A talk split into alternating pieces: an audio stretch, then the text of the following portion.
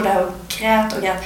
Det var, liksom, det, var, det var ett slag i ansiktet att se att människor som sitter på makten är dumma i huvudet. Ja. Och sen så var det då såklart dagen efter så var jag bara än mer, liksom, än mer övertygad om att ja, de kanske har liksom större makt än jag, men jag har faktiskt också makt. Om jag går upp med andra så kan vi tvinga dem att ta sitt ansvar.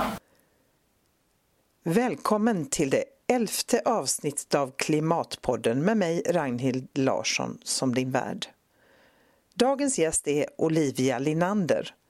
Hon har stått högt upp på min gästönskelista länge och efter klimatförhandlingarna i Paris fick hon äntligen lite tid över. Olivia kallar sig för klimaträttvisekämpe. Till vardags jobbar hon på 350.org där hon är kampanjsamordnare för Fossil Free Sverige. I september 2013 blev hon utsedd till Årets miljöhjälte av Världsnaturfonden. Tillsammans med Johanna Laxo har hon startat ungdomsorganisationen Push Sverige som är en plattform där unga kan samarbeta för hållbarhet och med miljöfrågor. I mitten av januari träffade jag Olivia på mitt kontor i Göteborg. Vi pratade bland annat om klimaträttvisa. Att vi är så mycket mer än konsumenter. Om varför det är så viktigt att göra saker tillsammans med andra. Om klimatskrik och när Olivia var med och stoppade kolbrytningen i en tysk kolgruva som ägs av Vattenfall. Mer information om dagens avsnitt hittar du på klimatpodden.se. Där kan du också lämna synpunkter och föreslå nya gäster. På iTunes kan du betygsätta och recensera Klimatpodden. Gör gärna det. Men nu över till dagens gäst Olivia Linander. Vem är Olivia? Eh, ja, jag är en person som engagerar mig väldigt mycket för klimaträttvisa och som bor i Göteborg eh, och som faktiskt har ett eh, jobb som har att göra med det jag brinner för, vilket jag är väldigt tacksam för. Eh, just då att, att organisera människor för, för just klimaträttvisa och för en schysstare politik. Ja, och var är det du jobbar någonstans?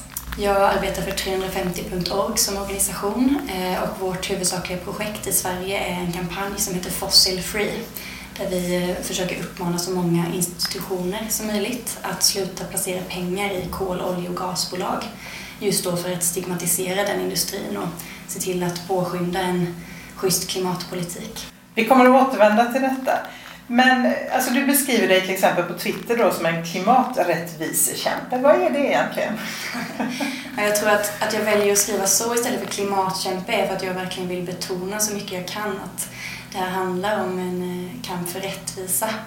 Eh, och där klimatfrågan tror jag från början tilltalade mig personligen för att det är en, en rättvisefråga över så många gränser, alltså över nationsgränser, också mellan olika delar av världen, också mellan rika och fattiga inom ett land, eh, över generationsgränser och över genusgränser. Det, det är helt enkelt en fråga som som inte får, det får inte glömmas bort att det handlar om att se till att alla människor ska ha rätt till samma, alltså till en bra levnadsstandard. Mm. Ehm, och, och att ja, klimatet för mig är en rättvisefråga så jag vill försöka knuffa in det där i, emellan de två orden. Mm.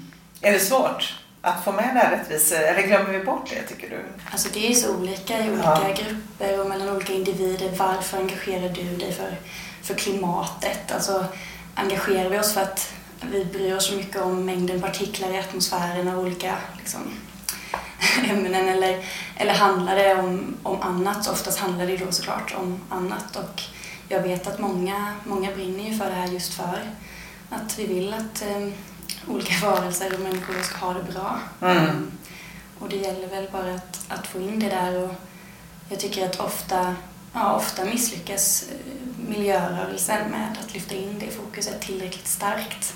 Eh, vi får inte hamna i en sits där vi bara så snabbt som möjligt vill ställa om till noll i utsläpp. Det vill vi såklart, men vi får inte göra det på bekostnad av mänskliga rättigheter utan vi ska göra det för att vi vill stärka mänskliga rättigheter. Ja, just det. Och därför är det viktigt att ha med den frågan hela tiden då, så man inte Ja, glömmer verkligen. bort det förstås. Ja, och brygga över egentligen brygga över mellan olika samhällsfrågor som betraktas som olika samhällsfrågor. Eh, som om eh, feminism, antirasism och miljökamp skulle vara liksom separata kamper men ja, för mig är det viktigt att det bryggas över och ses som en, liksom, en, en gemensam struggle där vi ser till att systemet måste förändras. Eh, ja.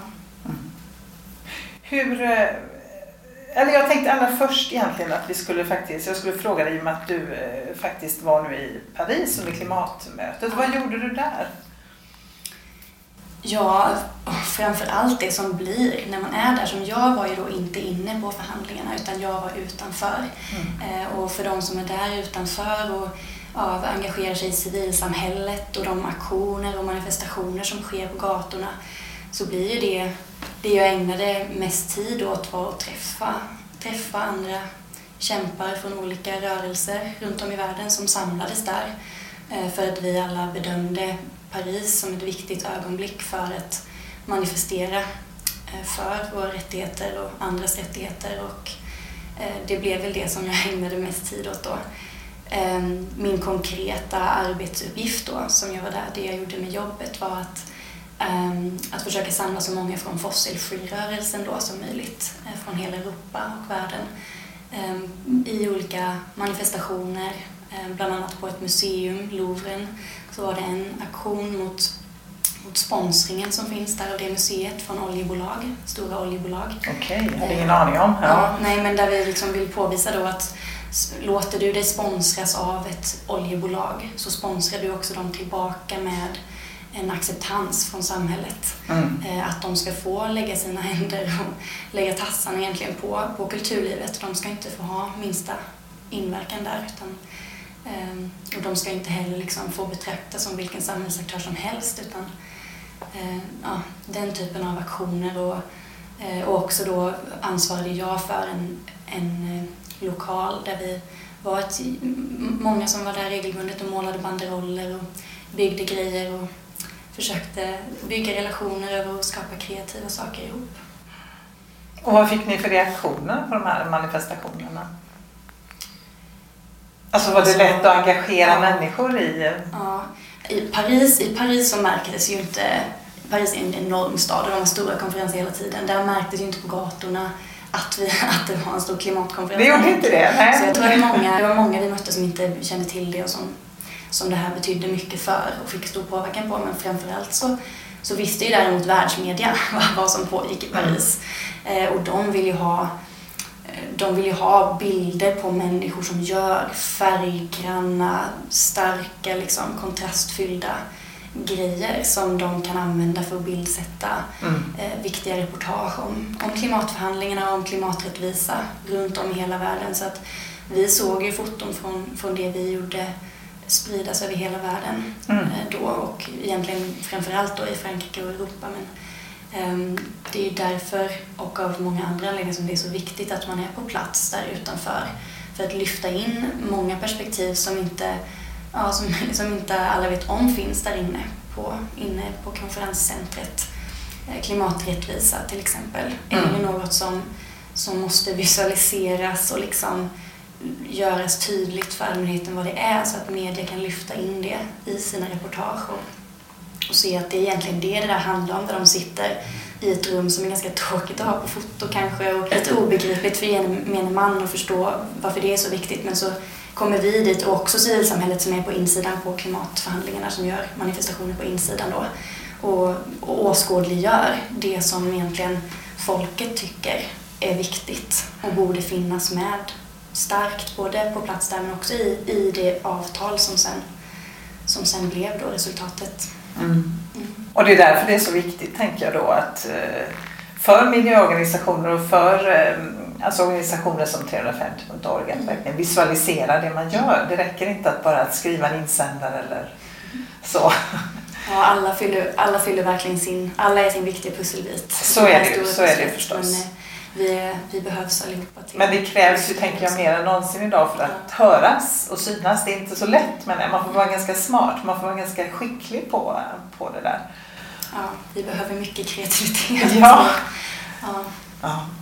Vad säger du om utgången av mötet då? Det råder väldigt olika meningar. En del är så här hurra och andra är ja, det gick inte alls bra och sådär. Vad är, vad är din bild av det? Mm. Alltså jag, jag var ju rustad i förväg för besvikelse för jag, jag hade ju eh, det var ju få som förväntade sig ett avtal som var starkt nog för att bromsa klimatförändringarna i tid innan två graders global uppvärmning. Eh, det var det ju få som förväntade sig och det fick vi inte heller. Ehm, så det beror ju på vilka förväntningar man utgår från i hur besviken, hur besviken jag blev.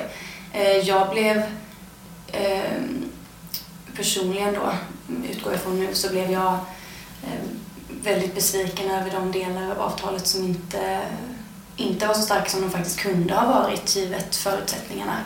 Eh, exempelvis hur mycket mänskliga rättigheter då, ursprungsbefolkningars rättigheter lyfts in i avtalet, eh, vilket det finns, fick liksom inte den plats som det verkligen behö, behöver. Um, och sen kan man ju då vara glad över vilken signal det här sänder och att 1,5 grader togs in istället för 2 grader som gräns. Um, men det var ju verkligen, det är ju en gest liksom och en, ett mål som man sätter upp men det finns ju inget som är tydligare än innan om vilka länder ska göra vad eh, och vad händer om de inte gör det. Ja, just det, inga sanktioner. Ja, så att eh, eh, jag är väl inte mer besviken än vad jag förväntade mig att vara. Eh, för att för mig så är det här avtalet, det är viktigt just som en, en tydlig signal men det har liksom aldrig funnits de förutsättningar som behövs för att det här avtalet ska vara det som styr oss i rätt riktning.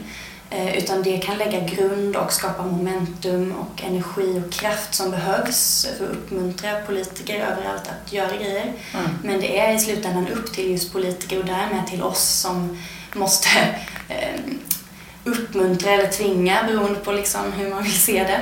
Mm. Eh, de som sitter på den där makten att genomföra förändringar på lokal och nationell nivå. Det är där de faktiska konkreta förändringarna som behövs kommer att ske. Mm. Eh, och det, det händer inte av sig självt. Nej, och det räcker inte att ordna ett klimatmöte. Eller om vi ordnar tio klimatmöten tänker jag så kommer inte det att lösa kanske Det har ju problemet. varit nu 21 sådana möten. Ja. Eh, och det har inte kommit längre än till att vi har ännu en, en målsättning om hur många grader vi ska lyckas hålla, lyckas hålla oss till. Och vi är inte, vi, det är inte goda chanser alltså att vi ska kunna hålla oss under en, en och en halv grads global uppvärmning. Nej. Det är ju nära vad vi redan har låst in oss till med de utsläpp vi redan gjort. Så att, eh, på den fronten måste vi, måste vi se till att våra ledare här hemma följer det som finns där så att de sen kan skapa den här snöbollseffekten som vissa tror redan är på gång mm. och andra inte. Mm. Och det är ditt och mitt ansvar då att göra det, eller? Jag menar, vems ansvar är det? Alltså det? På något sätt känns det ju som att luta sig tillbaka och tro att politikerna på egen hand ska ta initiativ till att göra något. Det verkar inte, vara så, verkar inte som att det kommer att ske. Mm.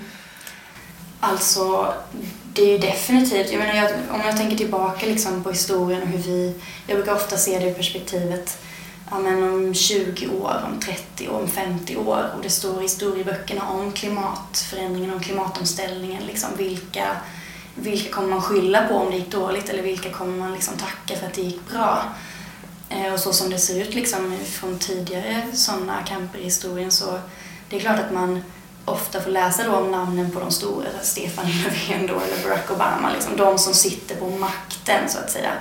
Ehm, men det är ju inte, det är inte de som, som får till den förändringen utan det är ju vi som bygger den makten underifrån och tvingar dem till att fatta de beslut som krävs.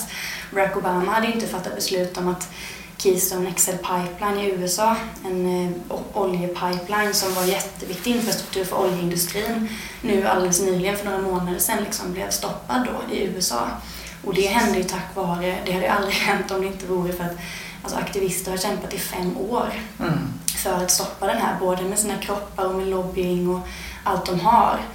Eh, det är ju det är i grund och botten upp till oss och vi kommer ju också bli ihågkomna som varför gjorde vi ingenting? Nej, just Mamma och pappa. Mm. Så det är ju vårt ansvar på så vis. Mm. Eh, det tycker jag.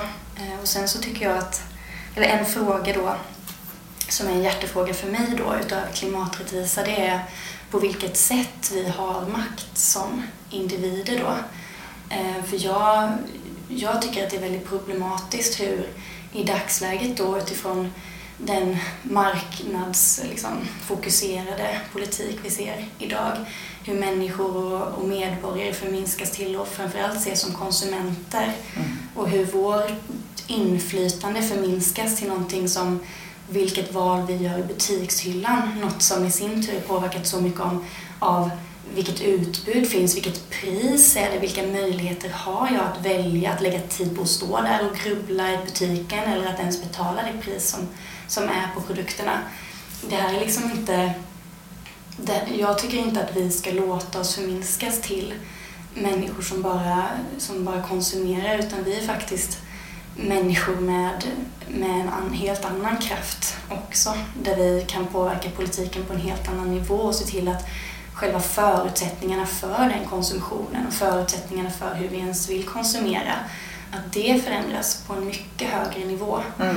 Eh, och det kan vi göra som, ja, som opinionsbildare eller som konstnärer eller som samhällspådrivare av olika slag beroende på vilken fråga vi brinner för så kan vi höja vår röst på alla möjliga olika sätt. Och jag tycker inte att någon ska få liksom sitta handlingsförlamad som jag vet att jag gjorde liksom för ett antal år sedan. Av att ja, men jag, jag är boven i det här för jag köper ju inte allting helt rätt och jag sitter här på min IKEA-stol som är producerad någonstans och att känna att okej okay, men jag kan inte göra mer än så och jag sköter mig inte. Alltså, klimatfrågan ska inte vara en fråga som ger alla dåligt samvete och ångest på så vis utan ja, det är, vi är aktörer som är mer än konsumenter helt enkelt. Mm. Men hur använder man den kraften då? Alltså, du gör ju det väldigt konkret då i och med att du jobbar i men alla jobbar ju inte i en sån här organisation till exempel. Ja. Hur, hur använder man den kraften? För jag tror många känner igen sig i det där som du säger för att det alltså man är ju en del av de här klimatförändringarna. Det är omöjligt idag att leva utan ett, att göra ett, ett klimatavtryck så att säga, att mm. bidra till de här uppvärmningarna. Så att hur, eh, ja, hur gör man? Har du något tips? Till den som vill. För jag tror många känner just den här eh, frustrationen över det här att vara, och man kanske har hållit på i flera år, det kan jag känna själv, man har hållit på och handlat ekologiskt, man försöker köpa för fair trade och allt vad det nu är, men det, det räcker ju liksom inte riktigt. Mm. Det känns lite futtigt sådär. Och att man, man, ja du vet, alla de här sakerna som man förväntas göra som medborgare då. Duktig medborgare. Men, men sen då? Ja, Alltså jag tror att för mig, för mig har det varit så självklart hur jag velat göra det från första början. Där jag, jag pluggade lite film och tyckte foto var kul och då började jag, alltså gick jag till en klimatkonferens och, och ställde upp med att hjälpa till att filma och fota och hjälpte dem klippa lite små filmer och liksom höjde ungdomars röst eh, genom något som heter Powershift eh, på ett väldigt konkret plan redan då och det var ju också genom att göra det då i flera år, alltså det och skriva debattartiklar och och ringa till media när jag inte tyckte att de rapporterade ordentligt och liksom bli intervjuad om de frågorna som jag ville lyfta in. Liksom. Um, det var genom att göra det i några år som jag blev kontaktad om det jobb som jag har idag och, och erbjuden att, att göra det eh, efter det. Och, så för mig, jag har liksom på något vis från början tyckt att bara liksom det handlar inte bara om, om konsumtion, om, om den typen av sedlar. Det handlar inte bara om att rösta och liksom valsedlar, brukade jag tänka. Eh, utan det handlar också om vad vi gör mellan valen som också är politiskt. Och att jag som ungdom kände att min röst var för svag och att jag därför valde att gå samman med andra ungdomar och höja rösten tillsammans genom flashmobs, genom att skriva insändare som sagt och pressmeddelanden när vi tyckte att nu borde politikerna, så här, nu sköter de inte det där bra så vi skriver ett pressmeddelande. Och, Mm. På det viset har jag jobbat med det här. Och mm. Jag tror att, att liksom höja sin röst på det sätt som, som tilltalar en själv, för det ska ju vara en kul kamp. Det ska ju vara en kamp som, som stärker och inspirerar dig själv så att du vill fortsätta med det länge. Eh, se till att träffa människor som, som vill jobba med dig och, och stärka liksom ytterligare vad du gör. Eh, vill du liksom göra konst och lyfta på det viset, vare sig det rör sig om musik eller texter eller liksom målningar, skulptur eller flashmob performances på stan. Eh, eller så kan det handla om att skriva mycket till tidningar, eh, försöka liksom påverka, påverka agendan egentligen hos media. Det är ju super, super viktigt. Eh, det gjorde vi en gång när det var Ehm, um, IPCC släppte sin femte assessment report um, i Stockholm. Jag uh, minns inte ens exakt när det var, men jag tror det var 2013. Och uh, vi från Push Sveriges sida och fältbiologerna så var vi tre personer som bara, ja, men vad, vad ska vi göra för, eh, för att lyfta det här? Um, vi, vi ställde oss utanför konferensen, några hundra personer och skriker. Det kan inte media missa. Det är en massa människor som står och skriker på ett ställe. Och sen kommer de börja ställa sig frågan då vad, vad är det som händer här och varför är det viktigt att lyfta det och så intervjua folk som står och skriker. Ja just det, då fick ni en chans ja, att så, prata om det då. Liksom, och, och, det kände vi dessutom fyllde syftet att vi fick skrika ut vår jäkla frustration. Ja, ja. Jag känner, ja, efter Paris, jag vill ut och skrika någonstans. Ja. Över att de som har så kallad makt då inte sköter det, det alls i den proportion som de borde med tanke på ansvaret som ligger på deras axlar. Mm. Eh, och då försöker jag se till att det ansvar som ligger på mina axlar står i proportion till vad jag gör mm. eh, i mitt liv. Och det gör jag ju då både som jag har tur att göra i mitt arbetsliv men också, också utanför det. Just det. Eh, så hitta egentligen hitta vad som ger dig din glöd och vad du glöder för. Och, och höj din röst på, på det viset. Eller andras röst om du väljer att fokusera på att höja människors eller varelsers röst som inte kan höja sin egen.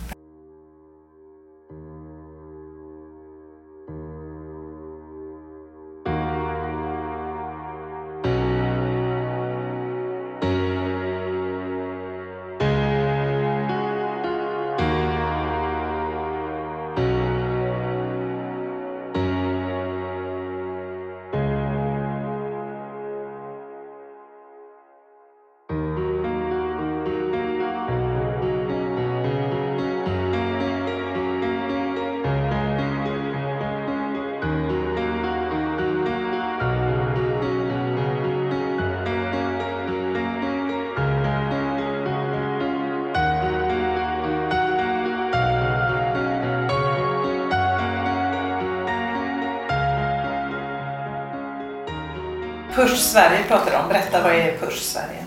För de som inte vet. Ja, absolut. Push Sverige är plattformen där unga samarbetar för hållbarhet, Pushfa då. Mm. Ehm, och det är en plattform för unga som är intresserade av hållbarhet, både på då vi pratar ju om, om tre typer av hållbarhet. Ekologisk hållbarhet, eh, som de flesta tänker på då när det gäller miljöfrågor, men också som jag pratar om klimaträttvisa, då, social hållbarhet eh, och så ekonomisk hållbarhet. Eh, och eh, här kan man bli medlem, det kostar ingenting. Eh, det finns en hemsida, pushsverige.se. Och vi valde att dra igång den här plattformen för några år sedan ehm, för att vi kände att det behövdes en till, en, en till plattform som just höjde ungas röst mm. i klimat och andra hållbarhetsfrågor. Eh, det, det är liksom ett sätt att försöka ena jättemånga olika miljöorganisationer som fokuserar på unga social eh, rättviseorganisationer och så vidare. Ehm, för vi kände att just det här att göra er ihop, det är så himla viktigt. Ehm, och hjälpa unga som kanske kommer direkt från grundskolan och har lärt sig om en massa orättvisor men också att det kanske är så här det ska vara. Men, men kanske känna att det är någonting som skaver. Att hitta då, hitta sin röst i det och hitta vad, är det någonting jag vill förändra och hur, hur kan jag göra det? Så hjälper vi till och försöker ge verktyg för den förändringen.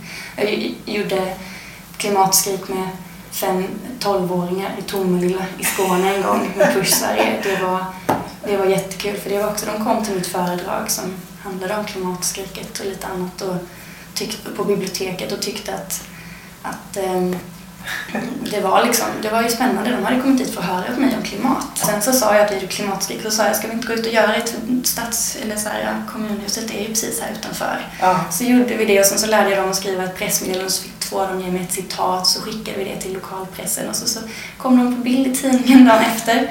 Så det går att börja bli aktivist i tidig ålder. Ja, fantastiskt. Vad, alltså hur väcktes ditt intresse för det här, eller ditt engagemang i de här frågorna? Har du alltid varit intresserad eller hur började det? Det är ju en fråga som jag ofta får och som jag inte har något bra svar på. Jag önskar att jag hade en liten, en liten berättelse om det började med en hundvalp i en regnpöl. Nej, jag vet inte.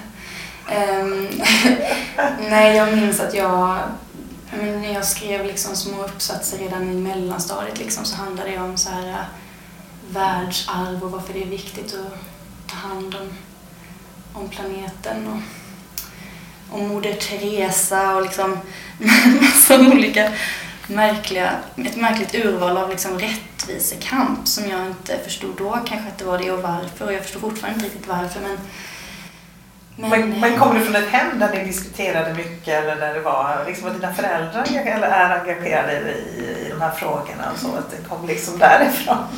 Det finns definitivt en, en värdegrund mm. i min familj som liksom har uppmuntrat till att liksom, det jag egentligen minns mest är civilkurage-grejen, att hur otroligt viktigt det är att så här, resa sig upp på bussen när någon ser ut att behöva sitta mer än en själv. Liksom sådana basic grejer som jag redan i tidig ålder blev så fruktansvärt arg när andra inte gjorde det. Mm. Och jag bara så här, sa åt folk, res dig upp, det är en dam där som behöver sitta. Ja. Liksom, den typen av grejer skulle jag säga. Så det, det hör ihop tycker jag. Alltså civilkurage och bara stå upp för att människor ska, ska ha rätt till det som de behöver. Eh, det, och, med, och, då har jag, och då har jag med mig det ur ett väldigt antropocentriskt perspektiv. Alltså att jag, eh, att jag ser väldigt mycket till just människors bästa och det är en grej som jag sen då har utvecklat och lärt mig mer om senare under studier och i möten med andra personer som brinner för andra grejer. Att kanske att man kan utvidga den solidariteten och det omhändertagandet och den rättvisan egentligen till,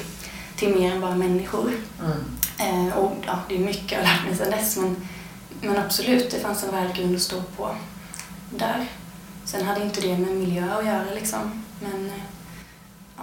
Nej, men ändå ett engagemang liksom. Ja. För. Men jag vet på högstadiet, det här är ganska kul för jag hade en bästa kompis vecka. Eh, en jättefin person. Eh, som jag blev bästis med i sjuan. Och då var jag redan så här, jag pratade väldigt mycket om miljö och hon började lyssna på mig och tyckte liksom att det här låter viktigt, så här, det här är spännande. Och så pratade jag, fortsatte prata mycket om det. Och sen så i, i åttan då blev hon vegetarian. Så hon var den som omsatte det här i handling liksom. Hon bestämde sig för att Nej men Olivia hon pratar om hur viktigt det här är, det här är någonting väldigt viktigt. Så jag fortsatte vara den som läste och liksom pratade mycket om det här och lyfte det med folk. Men hon var den som, ja nu gör vi någonting av det här liksom. Och det lärde jag mig sen av eh, från henne då. Eh, att hur viktigt det är att, att just gå från att brinna för någonting till att Gör, göra någonting. Ja. Och det gjorde jag sen i gymnasiet. Då. Ja. Mm. Hur, hur reagerade dina vänner då? Alltså sökte du dig till andra som var lika engagerade då? Eller, eller hur, ja, hur reagerade din omgivning på ditt engagemang? Oj, vilken svår fråga. det är klart att, eller jag tror att vi vi söker väl oss och blir närmast vänner med de som kanske delar vår världsbild eller värld, värdegrund och sådär. Eh, så jag har ju, jag har väl sen jag började bry mig väldigt mycket om det, omgivit mig med människor som jag också tycker, eller som, jag, som bryr sig om liknande saker som jag, eller som bara också är schyssta personer och, och har samma intressen som jag såklart. Men eh, det blir väl så att ju, ju mer engagerad du blir, i alla fall för mig liksom, desto fler omger du dig av som också är engagerade. Och det är väldigt ofta en trygg och fantastisk bubbla att få vara i eh, och få trivas i. Eh, jag behöver väldigt ofta det. Och sen ofta så är det också, också viktigt att kliva ur den. Mm. Kliva ur den där bubblan och möta, möta verkligheten. Och, och det, det gör jag ofta. Så det, eller det, folk, om inte annat så tvingar sig folk in i den där bubblan och, och väcker mig lite grann med hur de gemene person Eh, ser på saker och ting ja. på ett annat sätt. För det är lite förrädiskt med den här bubblan kan jag mm. tänka. För man kan ju, man kan ju lätt tänka så här, så här tycker ju alla. Mm. Det här är ju självklart. Tills man inser att så är det inte. Men nu nyligen la, nu ska Ekostore här lägga ner därför att mm. ja, det går inte. Det är inte tillräckligt många som handlar där. Uh, och, och, för mig blir det så här, men det är väl självklart att man handlar där om man kan. Alla bor ju inte nära eller det, det, är dyrt och sådär kan man ju tycka. Och så. Men det är också en prioriteringsfråga. Men, men just det att man, man, så inser man att nej, det är inte tillräckligt många. Det, vad är det, 5% eller någonting av försäljningen som är ekologisk i Sverige, tror jag, livsmedelsförsäljning. Alltså det är ju ingenting. Även om den då har stigit och så. Va? Så, att, så att, det är ju som du säger, det är viktigt att gå utanför den där bubblan. Men det är inget problem för dig, du tvingas ut där. jag, vill tycker, jag tycker definitivt att det är, det är tufft ibland liksom. Mm. Det, det är det och det kan ju vara därför många väljer att inte engagera sig eller egentligen inte vet vart de ska ta vägen med sitt, sin, sin glöd liksom, som ändå ofta finns där och gömmer sig under, under ytan. Liksom. När man läser en tidningsartikel och känner att här är det någonting som är på tok liksom, eh, men inte, vet, inte har hittat sin egen roll än. Liksom. Ehm, jag, jag uppmuntrar verkligen folk att söka sig till sammanhang där andra, där andra gör sådana grejer, där man kan lära sig nya grejer eller ta dit någon dold talang som man själv har. Ehm, Jag, jag kommer direkt att tänka på liksom vad gäller så här, det här uppvaknandet eller att se liksom sanningen i vitögat ibland vad gäller vart, ja men vi, det ser vi ju varje dag liksom, vart politiken är på väg åt ett väldigt oschysst och osympatiskt håll liksom, eh, i Sverige och i världen. Men Verkligen. men, och det, det är tufft. Liksom. Jag har länge undvikit att läsa, läsa vanlig media. Eh, För att det, det hjälper inte mig att hålla uppe min energi och glöd och kamp varje dag som jag försöker upprätthålla. Eh, Det är klart att det är viktigt att hålla sig up to date och det försöker jag göra på alla Men hur sätt. gör du det då om du undviker Mm. vanlig media? Vad- Ja, nu, nu finns det ju då till exempel ETC som är vanlig media som ger en bra nyhetsrapportering utifrån ett perspektiv som ger mer glöd, tycker jag. Mm, tidningen ETC pratar om. Mm. Precis. Ehm, Så då, då står jag ut med att läsa nyheter. Men eh, annars så får jag det mycket i sociala medier och då blir det ju det där i den där bubblan får jag ju mycket det perspektivet. Och det, det är väl en, en svaghet liksom, ty, tror jag. Eh, Och det är ju på samma sätt till exempel ser man ju på högerflanken, den extremhögerflanken tänker jag då. eh, Med till exempel ja, men rasister som alla då är i sin lilla bubbla Exakt. och tror att det är så världen ser ut. Så att vi behöver ju pollinera varandras världsbild allihopa utom just den lilla bubblan då kanske. Men eh, ehm, det, det är viktigt. Ehm, Men när det gäller då att se sanningen i vitögat så, så har jag faktiskt en, en, en grej som hände mig som var så här ett uppvaknande vad gällde eh, hur jobbigt det är att, att höra det här med hur politiken egentligen ser ut. Det var när vi var i Almedalen 2014. Eh, ja, men ett gäng väldigt engagerade ungdomar som sprang omkring och gjorde liksom spännande manifestationer i Almedalen i Visby då på Gotland. Ehm, och gick på spännande seminarier från coola organisationer. Ehm, undvek då såklart gå på de seminarier som var liksom inte särskilt bra liksom, och inte intressanta heller för oss. Men så var vi då på ett seminarium med Greenpeace som handlade om Vattenfall och så var det en debatt då mellan två politiker. Där den ena var miljöpartist och den andra var moderat. Moderaten var ju då, var då personen som satt på makten. Mm. Ehm, och så pratade de om Vattenfall i 45 minuter kanske och det var ju ganska hetskt och Miljöpartisten tyckte att det är klart vi ska lämna det här kolet som Vattenfall äger i Tyskland i marken. Det måste, vi måste se till att klimatet, liksom, klimatförändringarna stoppas. Eh, Medan han då tyckte att nej men det är ju upp till det här företaget och det är ju inte så, det är inte så att vi kan styra det. Och, eh, det finns ju andra sätt man kan jobba och de, de startar ju vindkraftverk i Storbritannien och bla bla bla. Och sen efteråt då så tyckte jag och två till att det var så intressant så vi ville prata med honom så vi gick fram till honom efteråt, det var bara han och vi kvar och frågade får vi göra en liten intervju med dig och så filmade jag det och så var det en som stod och frågade honom lite frågor. Och då, och då var en av frågorna då, men tror du att vi kommer kunna hålla oss under två graders global uppvärmning? Liksom, han måste ju utgå, han måste ha någon slags bild av det när han säger sådana saker. Och då sa han, eh, nej men det där, det där är vi ju inte så säkra på. Klimatvetenskapen, det, är liksom, det finns ju olika sidor till det och global uppvärmning, det behöver vi inte ta så mycket på stort allvar. Och då inser jag att hela den debatten och hela politi- politiken som verkligen påverkar vad som sker med Vattenfall Mm. fortfarande faktiskt i liksom de styrande partierna, i alla fall då för två år sedan, eh, styrs av människor som är helt världsfrånvända och inte, inte tar sitt ansvar vad gäller att vara ordentligt påläst på vad det är som gäller och vad vi har för utgångspunkt för politiken. Och, och så gick han därifrån och jag bara, jag bara grät. Mm. Jag stod där och grät och grät. Det var, liksom, det, var, det var ett slag i ansiktet att se att människor som sitter på makten är dumma i huvudet. Ja. Och sen så var det då såklart dagen efter så var jag bara än mer liksom än mer övertygad om att ja, de kanske har liksom större makt än jag, men jag har faktiskt också makt. Om jag går upp med andra så kan vi tvinga dem att ta sitt ansvar. För det måste ske, för annars har inte jag så mycket framtid att prata om. Eh, så det är viktigt ibland att få se det där också.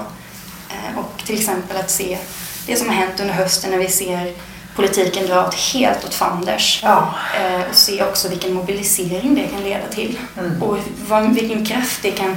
Många människor under den här hösten har nog insett att de också kan spela en viktig del Mm. i politiken. Och många har nog liksom engagerat sig ideellt och sen sett att okej, vi behöver nog ha en, en mer system, systemförändring där liksom politiken också tar tag i det här och inte bara ideella krafter. Många som har gått in i kampen Mm. eh, via det och via att se hur fruktansvärt det är ställt. Så att eh, ja, man får ju öppna ögonen liksom, men eh, också ibland gå in i sin lilla bubbla och få den här kraften.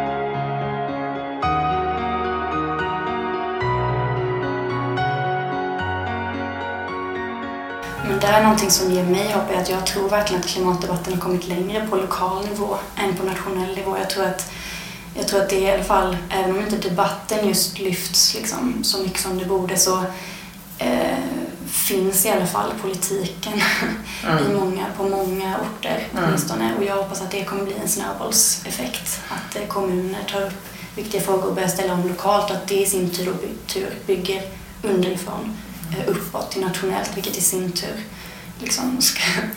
eh, ja, det, är, det är det jag kan eh, finna hopp i i alla fall. Så det, det är liksom... Om man tar det vidare då till att vi behöver inte bara se till att, att klimatomställningen sker så snabbt som möjligt. Jag tror att en sak som Parisavtalet kommer leda till är att vi kommer, eller kommer åtminstone bidra till, är att eh, klimatomställningen är oundviklig. Den, den är på gång. Det, frågan är liksom vilket tempo, hur snabbt kommer klimatomställningen ske? Den måste ske snabbt nog. Men också att vi inte får fastna i bara det där med att liksom, vi måste sänka halten koldioxid i atmosfären. Vi måste se till att vi inte släpper ut så mycket koldioxid i atmosfären. Det får inte bara handla om det, för om vi bara ser till det då kan vi säga okej men vi gör samma sak som vi gör idag, bara det att vi byter till förnybar energi från fossil energi. Och sen så gör vi, går vi i den tekniska liksom, riktningen istället. Ja. Men vi, gör, vi går ändå i exakt samma hjulspår och gör samma misstag igen där vi utnyttjar människor och natur eh, och liksom varandra. Eh, men med andra medel än Ja, just ja. kol, olja och gas. Och då får vi ändå inte ett hållbart samhälle. Precis. Vi vill ju ha, vi vill ju göra den här, den här kampen måste ju leda till någonting som är långsiktigt hållbart. Och då betyder det rättvist och schysst där människor mår bra. Eh, så att, att, inte, att inte bli för liksom brott, för få för bråttom, vilket är lätt då för mig till exempel som bor i, mitt i Göteborg och har liksom ett jobb med rätt schysst betalt och liksom eh, har bra hälsa och bor mitt i stan som prioriteras ganska högt av politikerna, just städ, de som bor i städer och så. Att inte eh, att det är lätt för mig att komma på att ja, men det är bra, vi behöver bara sänka koldioxidhalten och sen så löser det sig resten. Det är inte det som ska till, liksom, utan vi måste tänka till längre. Vi måste se till att inte hasta oss igenom det här, utan tänka ut hur får vi ett hållbart samhälle? Hur organiserar vi eh, städer och landsbygd på ett rättvist sätt eh, där alla får ta del av den gemensamma välfärden? Inte liksom, ja men säg vi satsar på 100 förnybart i Sverige så nu bygger vi vindkraftverk i hela Norrland och sen så skiter vi i hur de som lever där, hur de drabbas av det. Det är inte en hållbar omställning. Så jag tror att för mig är det det jag kommer brinna för eh, de kommande åren allra mest. Att också se till att bygga en berättelse inom rörelsen och inom politiken som är inte bara eh, klimatomställning utan rättvis klimatomställning. Ja. För det behövs, för vi kommer få till den där omställningen och det finns ändå starka röster som blir allt starkare för att det måste ske snabbt. Men den måste också ske rättvist och vi måste höja de rösterna mycket, mycket högre. Det krävs en helt annan typ av samhälle om jag förstår dig rätt. Mm. Men det behöver ju inte, jag menar, det, det, är ju ett, det som är intressant tycker jag det är ju inte att det är ett sämre samhälle, tvärtom. Det är ju en bättre värld vi pratar om, eller hur? På många sätt. Ja, en medmänsklig. Medmänsklig, ja. En medmänsklig och schysst värld. Mm. eh, Där människor inte lever på bekostnad av andra människor. Ja. Berätta lite om ditt, eh, ditt eh, arbete. Vad är det du gör där på dagarna på 350 dagar? Alltså du kan ju, ja, berätta vad du gör så kan vi prata lite om organisationen i sig. Liksom, vad det är som är. Ja, men visst. Så jag, så jag är de, eh, samordnare tillsammans med min kollega Christian, eh, Fossil Free Sverige. Eh, en kampanj för att få eh, städer, universitet, pensionsfonder eh, med flera att divestera. Så vi vill alltså att de ska avinvestera, sluta investera ehm, i fossilbolag. Och det gör vi då för att vi vill eh, dels beröva, beröva de här bolagen på kapital, se till att det flyttas till liksom, schyssta industrier, säg förnybart eller säg lokal omställning, eh, soptippar eller vad som helst som verkligen behövs eh, genomföras på ett hållbart sätt. Och istället då, eller, och det andra som vi vill att man ska göra är att beröva fossilbolagen på liksom den respekt som de fortfarande verkar ha i samhället.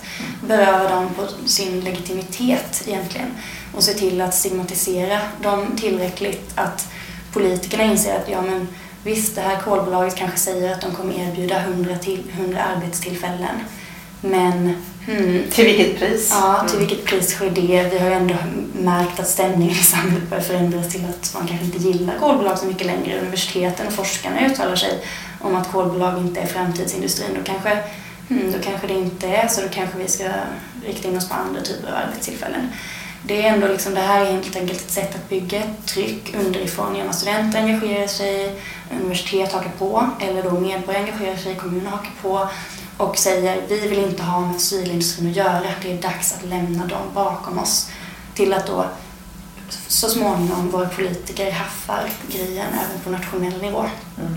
och slutar subventionera, slutar acceptera projekt som bara är helt bedrövliga och helt onödvändiga. Hur, hur går det arbetet då? Ehm, alltså I dagsläget så ser vi ju hur alla möjliga organisationer ansluter sig till liksom, krav om fossilfritt, krav om in, att investera liksom, för framtiden, investera i vettiga bolag och eh, verksamheter. Ehm, vi ser ju också stora aktörer ansluta sig till att ja, helt enkelt välja att divestera. Ehm, som från att då för ett par år sedan Rockefellers eh, Foundation, de divesterade och det är ju en, liksom en, en, den familjen som har den stiftelsen, de har ju grundat sin förmögenhet på, På olja, just det. Ja, och därefter då ett år senare, nu för några månader sedan, Oslo eh, divesterade, världens första huvudstad, att eh, välja bort kol, olje och gasbolag ur sina investeringar. Eh, Stockholm har en bra bit kvar till att förverkliga det. Ehm, och även oljefonden, de valde att divestera helt ur kolbolag. Mm. Det är ju intressant. Det är ju fascinerande. när, när oljan, om oljan kommer härnäst. Det finns faktiskt ett starkt lobbyarbete som pågår för det och det diskuteras alltså eh, faktiskt om, om det kan vara. Nu tror jag inte att det kanske blir så på ett tag men eh, det är ändå liksom en, vi ser stora inflytelserika aktörer, både med stora mängder pengar men framförallt egentligen med stort inflytande på vad vi tycker är okej och vad vi inte tycker är okej. Mm. Ehm, Vi har även sett då men, människor från FN, ehm, stor, alltså, ehm, partiledare i Sverige uttala sig för fossilfria investeringar. Ehm, Men framförallt det som jag brinner mest för då och som jag ser växa fram stort är ju mängden människor som engagerar sig för klimaträttvisa investeringar eller klimat och, och därmed då bygger debatten och skapar det här forumet för att prata om ett klimatkritiskt samhälle. Eh, Vi har liksom hundratals engagerade runt om i Sverige och vi såg eh, i augusti hur det också manifesterade sig i att eh, ett dussin svenskar åkte ner till Endegelände i Tyskland eh, där vi var 1000, 1500 personer som stoppade en kolgruva eh, och som tänker göra det igen i maj. Ehm, en vattenfallsägd kolgruva där vi vill se till att några bussar med svenskar åker ner och deltar i den mobiliseringen.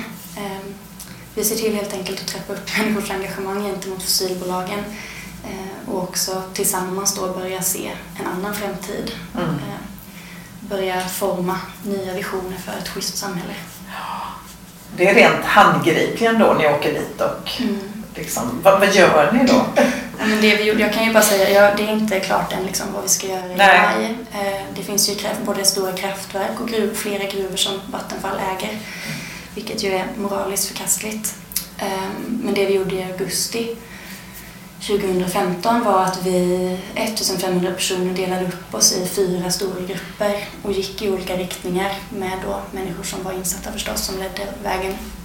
Ehm, och försökte ta oss ner fyra olika håll i gruvan och där vi 1000 av 1500 personer tog sig in i gruvan. Ehm, vi, i, mitt, I min grupp då, ehm, som var den internationella gruppen, så var det först en känsla av demonstration för vi var tvungna att gå flera kilometer liksom. Klockan halv, vad var hon? Om sex på morgonen eller någonting sånt för att poliserna inte skulle ha hunnit ta fram sina... Det var tusen poliser också på plats. Oj!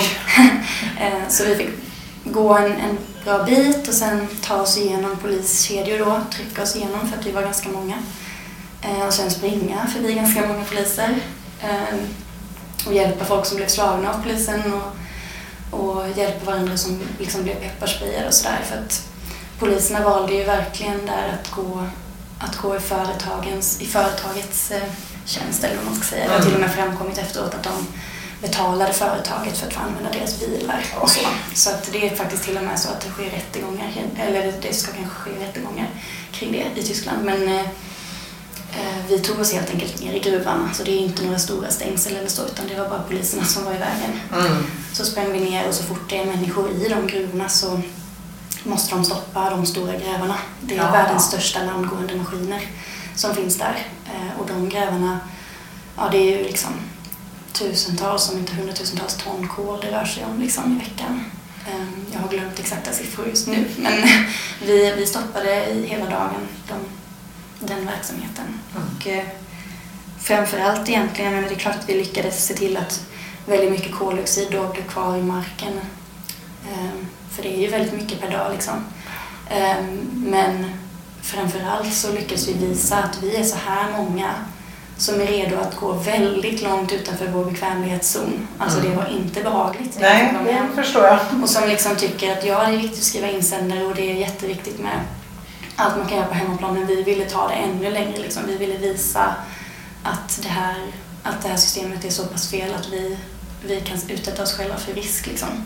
Mm. Um, och det är det som jag tror är den stora kraften i civil olydnad, att man visar liksom att jag det finns de här lagarna och vi vill, vi vill respektera lagen men när det finns lag, antingen det finns lagar som eh, inte borde finnas liksom, eller när det saknas lagar i det här fallet då som borde finnas eh, som då rör liksom hur, huruvida de här bolagen borde få existera överhuvudtaget. Eh, att människor då kan tänka sig att bryta dem och gå över den här gränsen. Så det tar jag ändå liksom emot. Ehm, det är ju precis som att att visa så här, ja, skickar du ett mejl. Det, det, är klart att någon kommer läsa det mejl, en politiker kanske läser det mejlet och, och tar åt sig det, men skriver du ett handskrivet brev, då kanske de så här, tar det som att det här betyder verkligen mycket för den här personen. Eller kommer du dit som person liksom varje dag, då, kanske de, då märker de ännu mer. Du vet, liksom, hur mycket du ägnar din, visar din passion, din energi, din kraft och din beslutsamhet. Mm. Ju, ju, större kliv du tar för det, desto mer kommer du påverka de som, som ska bli påverkade. Eh, det, det här är inte någon teori eller något jag har läst om. Det måste ju vara så. Ja. Eh, så därför valde vi att göra det och därför kommer vi att göra det igen i maj eh, och då ännu större i Tyskland gentemot Vattenfalls gruvor men också på dussintals andra platser runt om i hela världen för det är en global aktionsdag eller vecka och om man vill veta mer om det allt eftersom planerna utvecklas så finns det en hemsida. Det här projektet heter Break Free from Fossil Fuels eh, bryta oss loss från fossila bränslen och hemsidan är då breakfree2016.org. Mm. kan lägga upp en länk på Klimatpoddens hemsida också. Mm. Så där kan man då skriva upp sig och få mer uppdateringar. Så det, det ser jag fram emot i alla fall på. Det är min, en av mina stora hållpunkter för, för det här året egentligen. Mm. Att, att åka dit för att det är en väldigt kraftfull grej att träffa många människor som är så övertygade om att det vi håller på med är eh, Eh, åt skogen och eh, är beredda att eh, ja, men offra liksom ändå delar av sin hälsa liksom för, för det.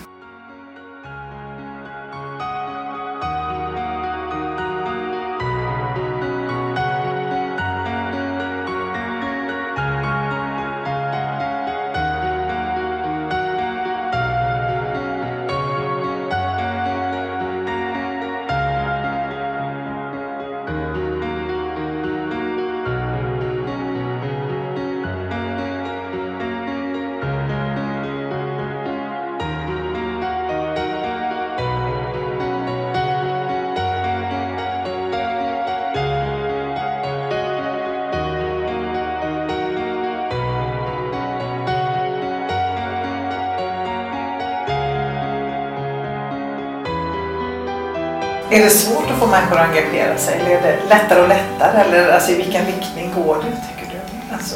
Det är lättare och lättare. Eh, det är ju, men det är liksom det är så många politiska frågor just nu som gör mig, som gör mig och så många upprörda.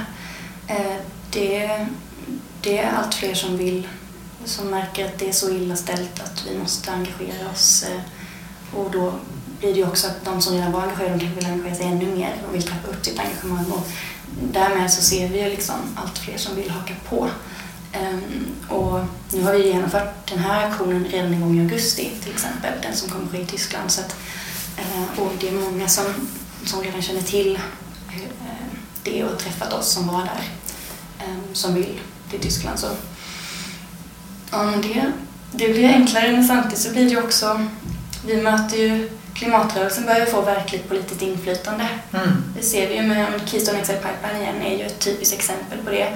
Eh, och att Kina nyligen bestämde sig för att eh, sluta öppna eh, kolkraftverk och kolgruvor och så vidare. Mm. Det kommer ju sig av att en jättestark folkrörelse finns i Kina också, även om inte den syns eller hörs här. Så sker det ju alltså över 100 000 manifestationer och demonstrationer om året i Kina. Så mycket? Ja, jag, tror Oj. jag läste häromdagen att det var 200 000 manifestationer som var registrerade ett år för några år sedan av, av kinesiska myndigheter och sen slutade de, sen slutade de då registrera hur många det var. Eh, och det är väldigt mycket civil olydnad eh, mm. också i den kinesiska folkrörelsen. Eh, jag hade velat höra mycket mer om det, det, det får man inte. Men det är verkligen så att vi vi börjar få politiskt inflytande och då börjar också bolagen inse eh, att de måste göra någonting åt det. Eh, och det leder till exempel till, men i, i det här fallet då i augusti, till ett ökat samarbete mellan företagen och polisstaten.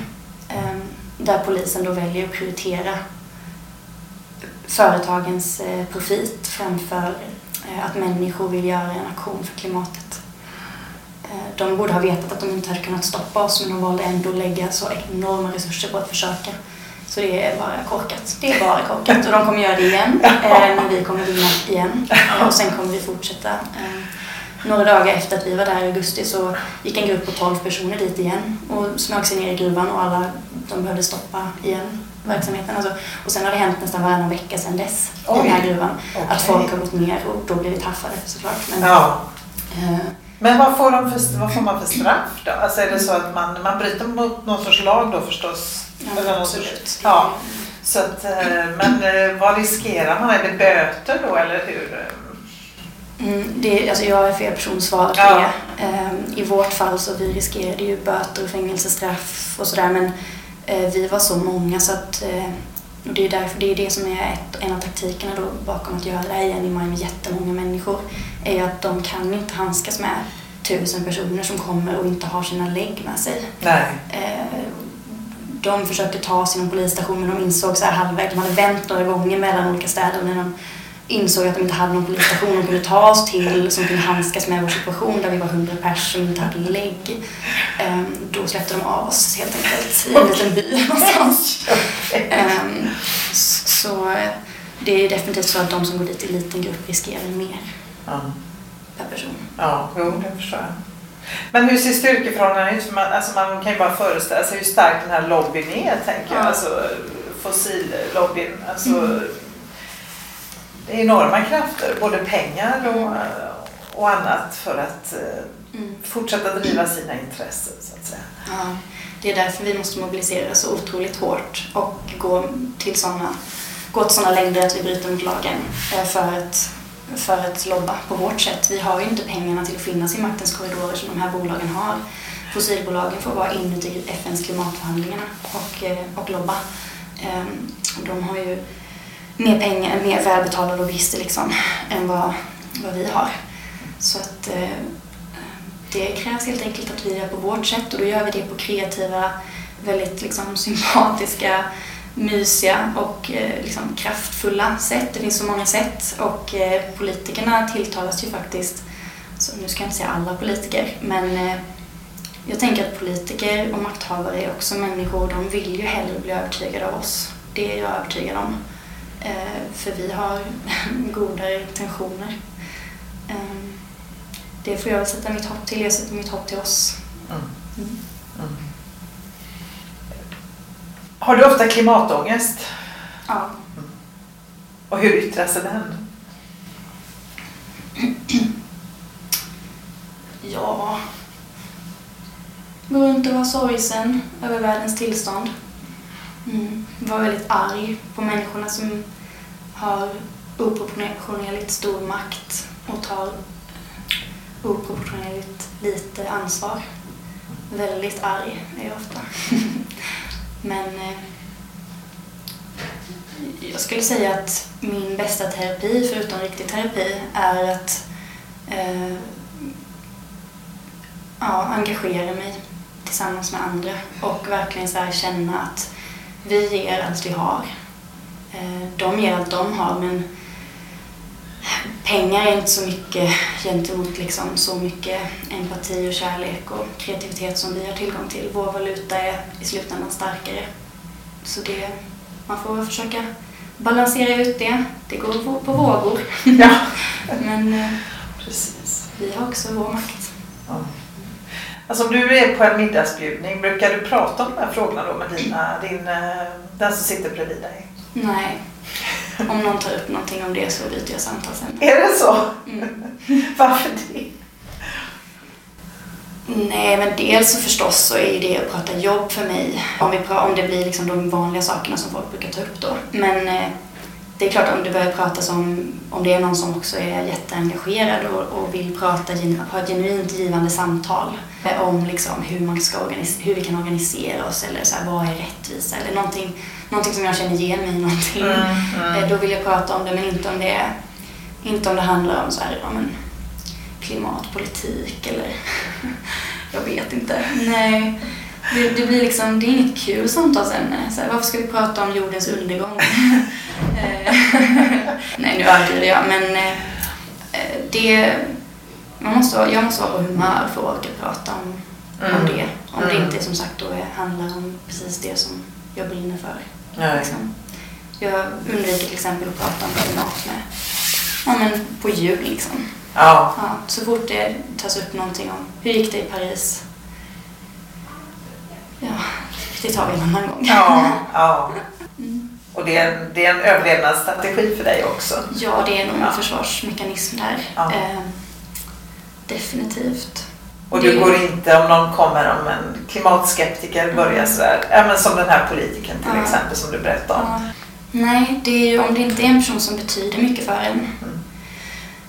så, så är det inte värt den energin, den kraften liksom, tycker jag. Jag menar att alla de människor vi har emot oss redan nu, de som inte liksom är ganska nära till hands att engagera sig, vi behöver inte dem i den här kampen. Vi behöver inte ha dem på vår sida. Vi är starka nog eh, som, liksom, vi behöver ju fler, men inte de som är klimatskeptiker eller Nej. de som är idioter. Nej. de behöver inte vi. De får klara sig på sin lilla flank och sen blir de överkörda så småningom när vi vinner. Så tänker jag för att hålla mig pepp. Um, men en, liksom en till sak som jag har väldigt nära om hjärtat är att jag vill inte prata om klimat och miljö för mycket för att eh, det ofta ger människor men, lite dåligt samvete för att de kanske inte har tid att engagera sig liksom, i närheten så mycket som jag liksom, väljer att lägga tid på att engagera mig eller eh, inte känner att de har läst på ordentligt eller inte har råd att köpa ekologiskt eller som kanske har flugit någonstans någon gång. Du vet, det är liksom, alla människor har ju skäl att ha dåligt samvete kring klimatet ja, på något, på något vis. Samtidigt så är det ju inte vårt fel, så samtidigt har ingen av oss skäl att ha dåligt samvete för det här. Jag, jag visst, jag känner mig sämst ibland liksom, när jag väljer att göra grejer och köpa grejer. Men det är ju faktiskt så att, att vi måste utmana hur saker och ting och samhället fungerar. För vi är satta i en sits där det är svårt för oss att göra rätt. Ja. Eh, och då är det faktiskt inte, det är inte vårt fel på den nivån. Ehm, så jag vill inte hamna i en sits där jag skulle till exempel aldrig ta upp någonting om någon annans val av kost vid en middag. Jag skulle inte ta upp liksom någonting om att ja, någon, någon ska åka på semester någonstans. Jag skulle aldrig jag skulle aldrig ifrågasätta deras val att göra det. Nej. För att jag tycker det bara ger... Det, det, eh, jag saknar ett bra ord för empowerment på svenska, men det är disempowering bara. att vi, vi stärker liksom inte vår gemensamma medborgerliga kraft. Ja, genom att prata med människor om det. Andra gör det mot mig ibland. Liksom. Jag bara ignorerar det. Ja, jag kan få göra fel val ibland. Jag är inte mer än människa. Du är en människa. Ja.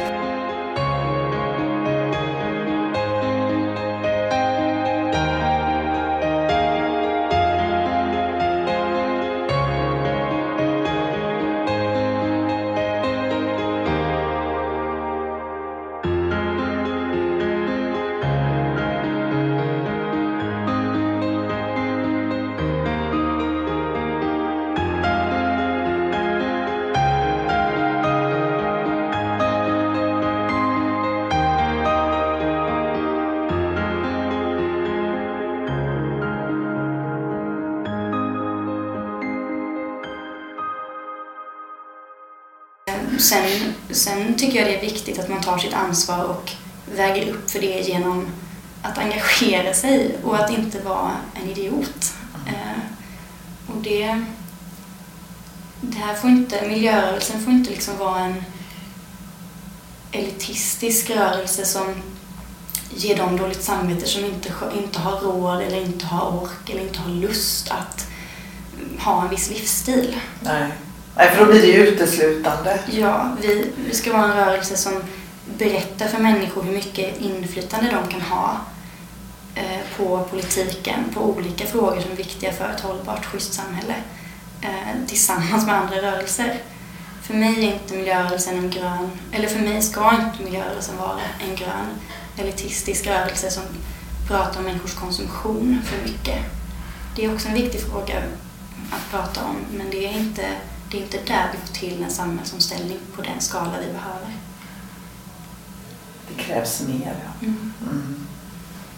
Nej, jag håller med dig. Det, när jag träffade den här klimatpsykologen i Berkeley, när du då flög dit dessutom, eh, i och för sig av ett annat skäl, men eh, hon, eh, hon sa ju mycket där att hon tycker miljörörelsen ofta är fel därför att man just det är mycket pekpinnar. Man talar om, gör så här, så här, så här. Och så. Vi måste börja lyssna på människor. Därför att dialogen öppnar upp också för eh, förändring och för engagemang. Därför att annars är ju risken här att man bara tänker att men så där kan inte jag leva och så tänker man jag fortsätter som förut. Så att man stänger av tänker jag. Det blir någon sorts försvarsmekanism nästan. Att man inte orkar ta in heller. Mm. Och jag skulle vilja säga att saker som miljörörelsen i Sverige behöver lära sig och då är jag ju mest då i, i liksom den mer specifika klimatrörelsen ehm, um, behöver både lära sig uh, fokusera på rätt frågor liksom, uh, och inte på fel frågor. Um, men också så här, hur, inte bara vad vi arbetar med utan hur vi arbetar uh, och med vilka. Ehm, Lyfter vi, vill vi lyfta liksom systemförändring och rättvisa, då måste vi också arbeta på helt nya sätt, organisera oss på helt nya sätt liksom, inom oss och ibland oss. Um, och på ett rättvist, schysst sätt. Um, vi måste arbeta tillsammans på nya, ja, med nya medel och nya verktyg och vi måste framförallt bygga nya allianser. Så jag tror att genom att fokusera på till exempel miljömedveten konsumtion, vilket man kan göra i en del av sin organisation, det får inte bli liksom ens profilfråga för att um, då kanske det finns liksom andra rörelser där, där de flesta som är involverade inte alls har möjligheten att, att eh, eller lust, prioritering att göra, att fokusera på det. Mm. Eller att ens liksom följa de principerna. Mm. Eh, och då, då bygger vi inte de allianser som vi behöver. Vet inte, det här är inte färdigformulerade liksom, tankar som är riktigt men mm, vi, har mycket, vi har mycket kvar att lära. Vi är på en lång och viktig resa. Så är det. Eh, jag menar, jag, jag vill lära mig mer av de som engagerade sig innan jag var född i rörelsen. Eh, och samtidigt vill jag att de ska lära sig mer av, av det som vi har som är ganska nya och, och har helt nya sätt att jobba. Mm. Så att, eh, många nya allianser helt enkelt. Mm. Det låter väldigt vettigt tycker jag. Det, det, krävs ju lite nya sätt att tänka och sådär. Det går inte bara och det är lätt att fokusera på de här konkreta frågorna, det som inte är systemfrågor tänker jag. Och då blir det ju väldigt, eh, ja det kan bli lite banalt nästan. Och att man lägger, man lägger så mycket ansvar på individerna också. Och det är inte, det är inte, alltså det är väl bra om man gör det man kan göra så att säga. Men, eh, absolut. Ja absolut. Jag, när jag pratar om det här så vill jag ju inte förminska allas jätteviktiga arbete kring, kring att vi ska liksom inte leva på andra människors bekostnad utan skapa och bygga det samhälle och de produkter som vi behöver. Ehm, det är bara så viktigt att vi, att vi jobbar ihop med olika, olika rörelser. Och det är ju liksom lätt hänt annars också att, att det vi kan få pengar till vårt arbete och pengar till att göra vissa rapporter och sådär från myndigheter eller från bolag och så vidare. Eh, det är influerat av liksom intressen. Vad hur vill politikerna eller hur vill eh, företagen att omställningen ska se ut? Eh, det är bra att låta de röster som inte har det inflytandet och det, den ekonomiska makten, att låta dem påverka vad vi sätter på våra agendor, vilka frågor vi lyfter, undersöker, lobbar kring. Mm. Den agendan ska inte få sättas så att säga av andra lobbyister Nej. utan det ska komma från eh, de människor som behöver, behöver lyftas i den här omställningen. Mm. Jag såg någon liten film med dig på Youtube där du pratade om ett antal klimatmyter då och där du pratade om det här att eh, en myt, eh, det här att Sveriges utsläpp eh, spelar ingen roll. Eh, det är ju ett argument man hör ibland, alltså, som jag också faller tillbaka på. Vad jag gör som enskild människa spelar ingen roll och sådär. Men varför, vad är det för fel på den eh, uppfattningen? Ja, alltså framför allt så ser vi ju hur olika nationer inspireras av varandra. Många ser ju till Sverige som ett föregångsland och då är det viktigt att vi är ett verkligt föregångsland och inte ett på låtsas föregångsland. Om, om Sverige vill nu att vi tittar till, Eh, till oss för eh, att vi vill satsa på att bli fossilfria eller att regeringen vill satsa på fossilfritt, ett fossilfritt Sverige eh, och det är ju fantastiskt, men om andra länder då samtidigt ser att jaha, men då kan man göra det på det här sättet. Man kan, eh, lyft, man kan ställa om vissa smådelar av näringslivet, men man kan också sälja sina kolgruvor till ett annat lands industri, eh, som regeringen nu låter Vattenfall göra i Tyskland. Ehm, man kan greenwasha sig och sen så kan man samtidigt sköta det där smutsiga eh, bakom lyckta dörrar. Eh, det är inte det vi vill lära världen. Det är inte så vi ska bete oss. Det är ju precis som att det är nu liksom när Sverige, vill, när Sverige försöker stänga sina gränser på ett oacceptabelt sätt eh, vid Öresundsbron till exempel. Det sätter ju också ett exempel och det är ju många som varnar för och vi har eventuellt redan sett exempel på att andra länder i Europa nu bygger samma, alltså sätter upp samma typ av grej. Och då så att Sverige ska kunna öppna sin gräns igen för då kommer ju inte folk hit för att de inte har lyckats ta sig förbi andra gränser. Nej, det. det. är ju helt, helt makabert.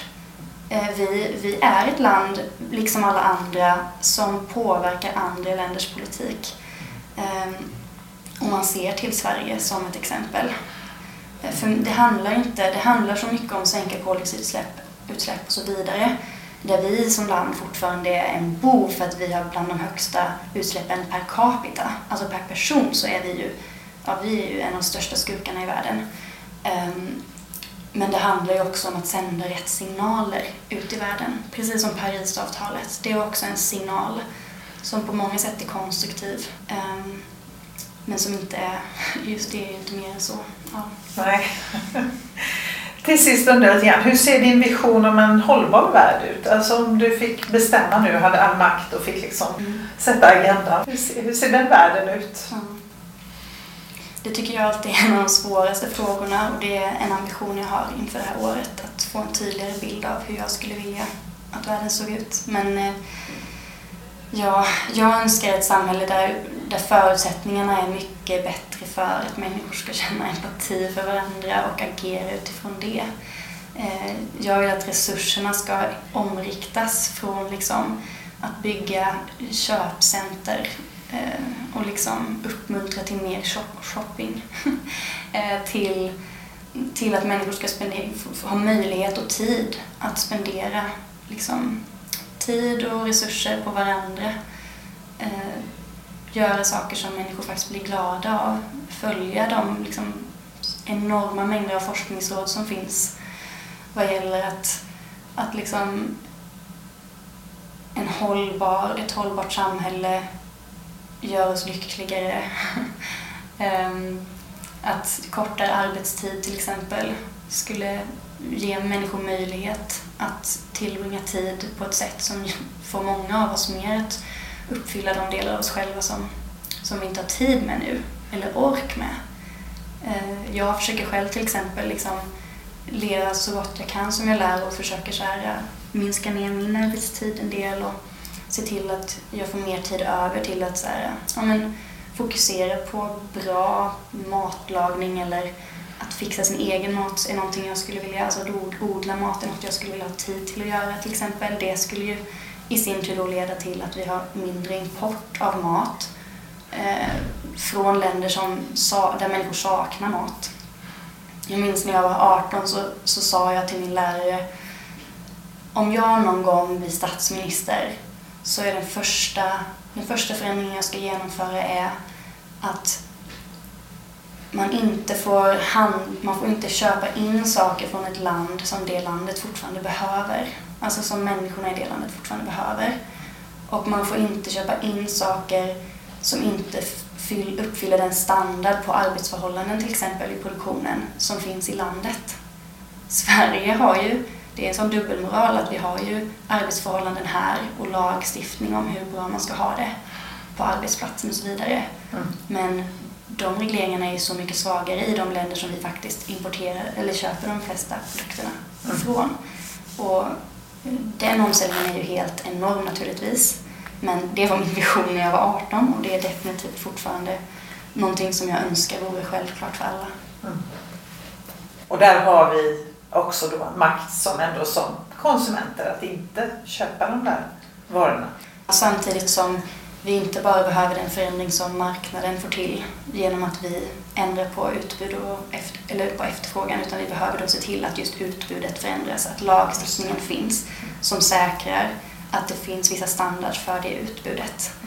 Eh, det är ju, det är ju liksom inte för en antingen måste alla ändra sig och alla måste ändra sina preferenser så måste alla eh, konsumera ekologiskt.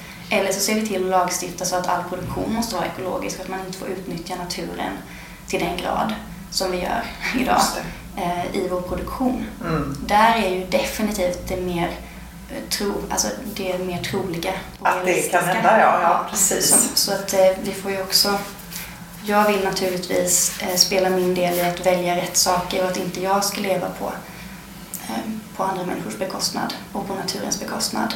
Men om vi ska få det till det där enorma skiftet då behöver vi faktiskt se lagstiftning eh, och den kan, den kan vi tvinga fram genom att eh, engagera oss, aktivera oss, organisera oss. Bra slutord tycker jag, bra uppmaning. Tack så jättemycket för att tack. jag fick prata med dig här en stund. Mm, stort tack.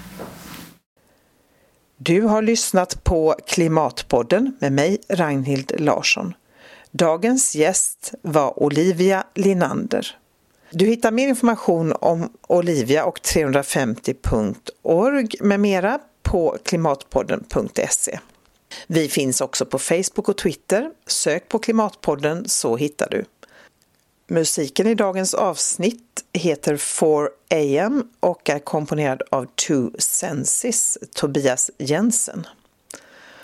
Och signaturmelodin är komponerad av Tommy Kaso. Loggan är producerad av Hannes Larsson.